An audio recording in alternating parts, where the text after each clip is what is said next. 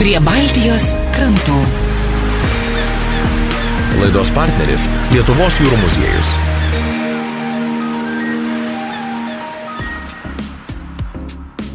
Daug metų laivus į uostą vedantys švituriai ne tik įspūdingai atrodo horizonte, bet gali pasigirti ir įspūdinga istorija.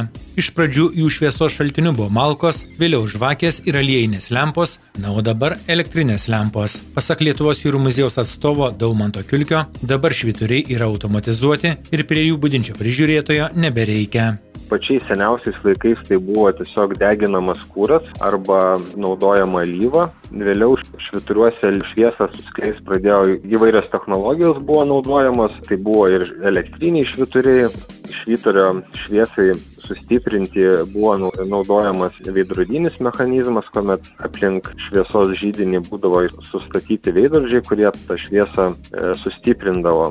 E, na, o dabar tai visi modernizuoti švituriai įprastai turi ledinės lempas, kurios reikalauja mažiau elektros ir kurios gali išgauti didelį šviesos stiprumą. Anksčiau įprastai šviturys turėdavo prižiūrėtoją, kuris dažnai gyvendavo net tame švituryje arba esančiame šalia jo pastate. Tačiau net ir 20 amžiaus pradžioje jau buvo tie autonominiai švyturiai, kurių priežiūros reikėdavo tik tai tam tikrais atvejais, kuomet reikėdavo papildyti kūrą ir panašiai. Tai pavyzdžiui, pervalko švyturys, kuris yra dirbtinėje saloje, į jį atplaukdavo laivas ir tuomet būdavo atlikama priežiūra. O dabartiniai modernų švyturiai su modernia įranga, tai taip, jie veikia iš esmės autonomiškai ir tik tai esant kažkokiem gedimam, tuomet yra prižiūrėtojų technikų aplankomi ir remontuojami.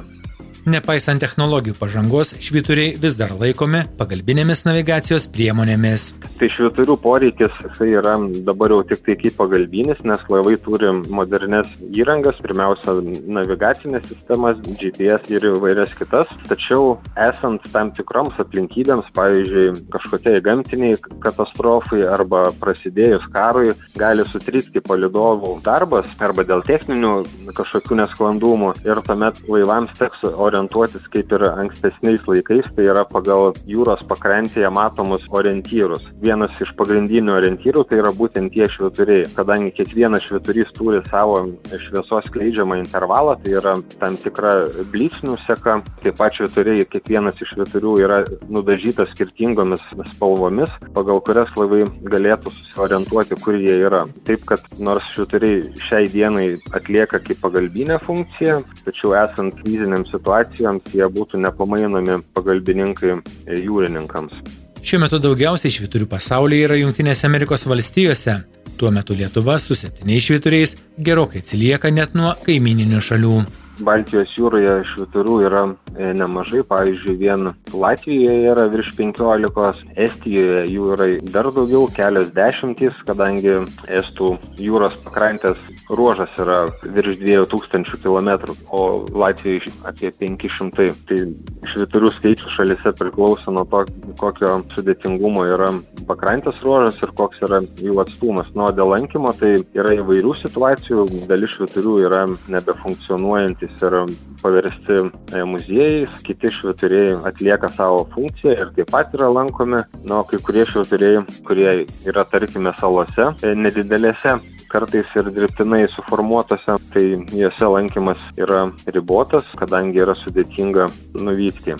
Beje, šviturių priežiūro buvo vienas pirmųjų darbų, kuriuos XIX amžiuje galėjo gauti moterys. Nemažai entuziastų šį darbą turbūt norėtų išbandyti ir dabar. Pavyzdžiui, viena amerikietė prieš 12 metų sumokėjo daugiau nei 70 tūkstančių dolerių, kad galėtų prižiūrėti vieną švyturį ir nuo to laiko jį prižiūrė. Tuo ir baigiame pasakojimą apie švyturius ir jų istoriją. Laidą rengė Žydrūnas Naujokas. Laidą remia Spaudos, radio ir televizijos remimo fondas.